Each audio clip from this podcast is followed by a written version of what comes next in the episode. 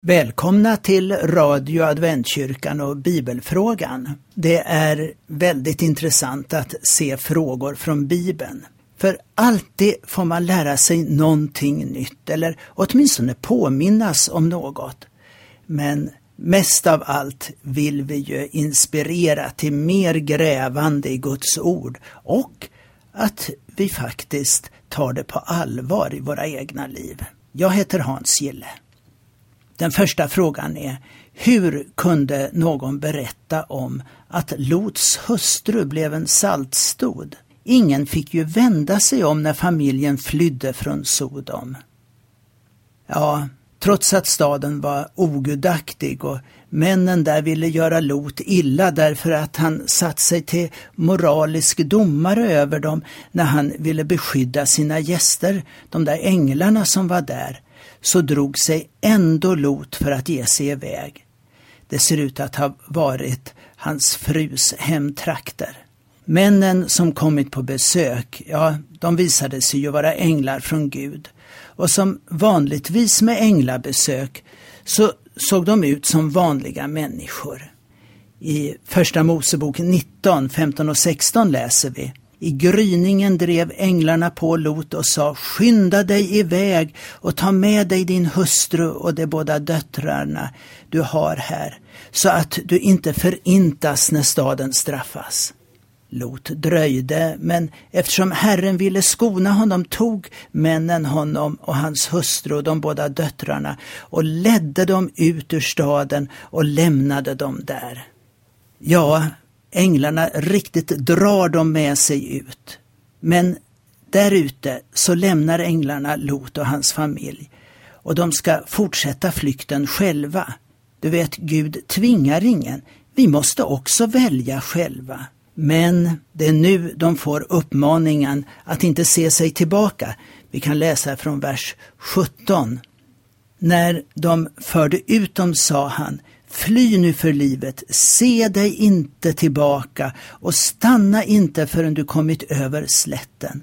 Rädda dig upp i bergen, annars kommer du att förvintas. Två saker sägs bland annat. För det första, ser inte tillbaka. Och för det andra, kom er bort från slätten. På ett sätt är det samma sak. Med att se sig tillbaka menar säkert inte bara en hastig blick bakåt. Nej, det handlar säkert om att dröja kvar och kanske längta tillbaka. Nu så kan jag ju ingen hebreiska, men blev ändå lite nyfiken på om något gick att förstå om jag kollade just ordet se. Det finns en sorts biblar med den engelska översättningen ord för ord av till exempel den hebreiska texten. Och där är det då med översättning av varje ord rakt under det hebreiska. Ordet se är då översatt med ett pågående på engelskan seeing. Det kunde betyda att det inte handlar om bara en flyktig blick utan snarare att hon stannade kvar. Men eh, jag är inte säker på det. Det var bråttom att komma sig över. Men inte mer bråttom än att Lot ger sig i diskussion med änglarna igen och ber om att få slippa fly upp till bergen. Han ber om att få komma till en liten stad utanför som fick namnet Soar. Lot poängterar två gånger att staden är så väldigt liten, antagligen mer som en by. Varför poängterar han det så kraftigt? Är det kanske så att han med det menar att platsen inte är lika förstörd med omoral och våld? Kanske han tänker att hans fru skulle kunna acceptera det bättre än flykten hela vägen upp i bergen och vildmarken. Givetvis vet vi inte. Men man kan ju alltid tänka. Men vi fortsätter i vers 23. När solen gick upp över jorden var Lot framme i Soar. Och det är nu städerna på slätten förstörs i eld. Och vi läser i vers 26 om Lots hustru. Men Lots hustru som gick efter honom såg sig tillbaka. Då förvandlades hon till en saltstod. Det stod att hon gick efter honom. Säkert dröjde hon kvar på slätten. Hoppades hon kanske att änglarna skulle ha fel? Trodde hon som hennes kommande mågar till sina döttrar att det mest lät som ett overkligt skämt alltihopa. Det ser ju ut som om hon aldrig kom fram till Soar. Och när hon blev kvar på slätten och började se sig tillbaka, dröjde på stegen, stannade och väntade, så hade mest troligt inte elden börjat falla över Sodom än. Det skedde ju, står det, först sedan Lot och döttrarna hade anlänt just till Soar. När hon såg den förstörande elden var det redan för sent att rädda sig. Vi läser att när Lot, döttrarna och allt folket i Soar såg ner på slätten såg de vad som hände. Förbudet att se sig tillbaka, ja det gällde ju flykten. Väl på plats kunde de givetvis se detta fruktansvärda skådespel, lika väl som Abraham, Lots farbror, som det står så här om i vers 27. Tidigt på morgonen begav sig Abraham till den plats där han stått inför Herren. När han såg ner över Sodom och Gomorra och såg hela slättlandet fick han se rök stiga som från en smältugn. Soar, som ju egentligen blev räddat tack vare Lot. Det blev i alla fall inte den plats där Lot valde att eh, bli kvar på, utan han fortsatte upp i bergslandet dit änglarna från början hade bett honom om att ge sig iväg. Där står det att han bodde i en grotta. Varför drog han inte vidare till sin farbror Abraham istället? Hade inte det varit bättre? Där kunde säkert hans döttrar ha fått gifta sig med några från hans egen släkt. För att vi har fått svar på en fråga, ja, så finns det många av våra frågor som Bibeln inte säger något om. Bibeln är varken någon roman förstås, och den är inte heller några memoarer. Nej, det är det som den handlar om, om Guds handlande med sitt folk genom historien och hans framtid för oss. Så när Jesus berättar om händelserna under den sista tiden, just innan han kommer tillbaka, så varnar han oss för att vara fästa vid det materiella vi har omkring oss och vara beredda att lämna allt. Målande nog tar han exemplet vi sett på just nu och säger i Lukas 17 och 32 Kom ihåg Lots hustru.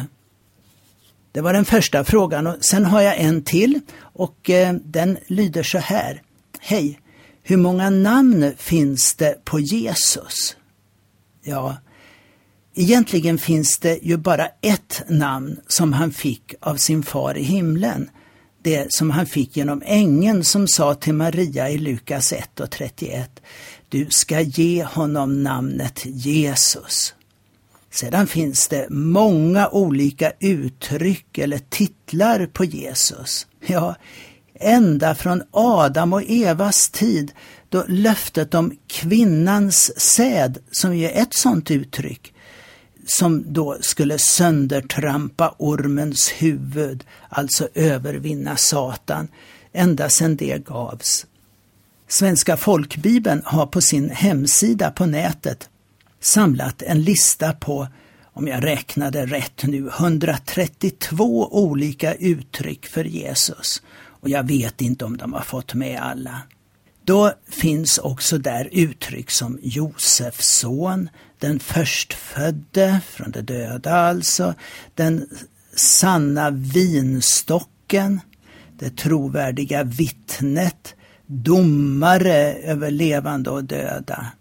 A och O, dörren, Guds lam, herden, Herre eller hörnstenen.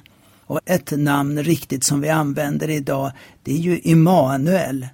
Och så ordet som han kallas för i Johannes evangeliet. Och världens ljus, överste präst och många, många, många fler. Det här är nu inte så konstigt om man tänker på hur det står i Jesaja 9 och 6. Ty ett barn blir oss fött, en son blir oss given. På hans axlar vilar herradömet. Och så kommer det, och hans namn är under, rådgivare, mäktig Gud, evig fader, fridsförste. Det här var från folkbibelns översättning. Man kan säga att alla de här namnen kanske vi inte skulle säga var just namn utan uttryck och titlar. Men namn hade ju alltid en betydelse och ibland när en person gick igenom vissa saker i livet så hände det till och med att de fick byta namn på grund av betydelsen av namnet. Så gränsen mellan ett meningsfullt uttryck och ett namn var nog inte så tydlig. Därför alla dessa uttryck och namn. Han kallades också för Klippan, men också för en stötesten som man kunde snubbla på, eller en hörnsten. Han kallas ofta för Messias eller Kristus eller den smorde, vilket är samma namn alltihopa egentligen. Det betyder samma sak. Ett uttryck för att Jesus är konung, ännu en titel han har. Det skulle bli en hel rad med predikningar om man skulle gå igenom alla de olika uttrycken som finns för Jesus. Själv kallade han sig för bland annat Människosonen, ett uttryck som går tillbaka till Daniels bok.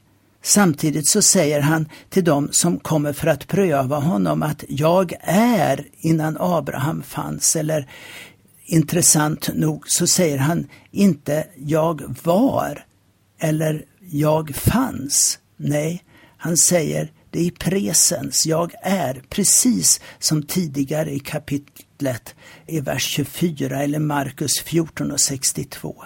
Jag är, det är namnet på Gud i hela gamla testamentet, Javé, som ingen vågade uttala utan man sa alltid Herren när man kom till Guds namnet. Javé eller Jehova som det också uttalas ibland av oss eftersom Gamla testamentets skrifter från början bara innehöll konsonanterna och man fick sätta in vokalerna själv och då ingen uttalat namnet under så många generationer så var det inte längre känt hur det skulle uttalas. Jesus använde det om sig själv och de som lyssnade förstod. När Johannes döparen säger om Jesus, se Guds lamm som tar bort världens synd, så är det något av det vackraste, för frälsaren, Jesus, är den som vi alla får uppleva. Ja, med det så är vi färdiga den här gången och jag vill uppmana dig att lämna dina frågor på telefonnummer 031 711 11 99 eller så kan du mejla till radioadventkyrkan i ett ord snabela telia.com. Och så är du som vanligt välkommen till våra gudstjänster här på Norra Allégatan 6.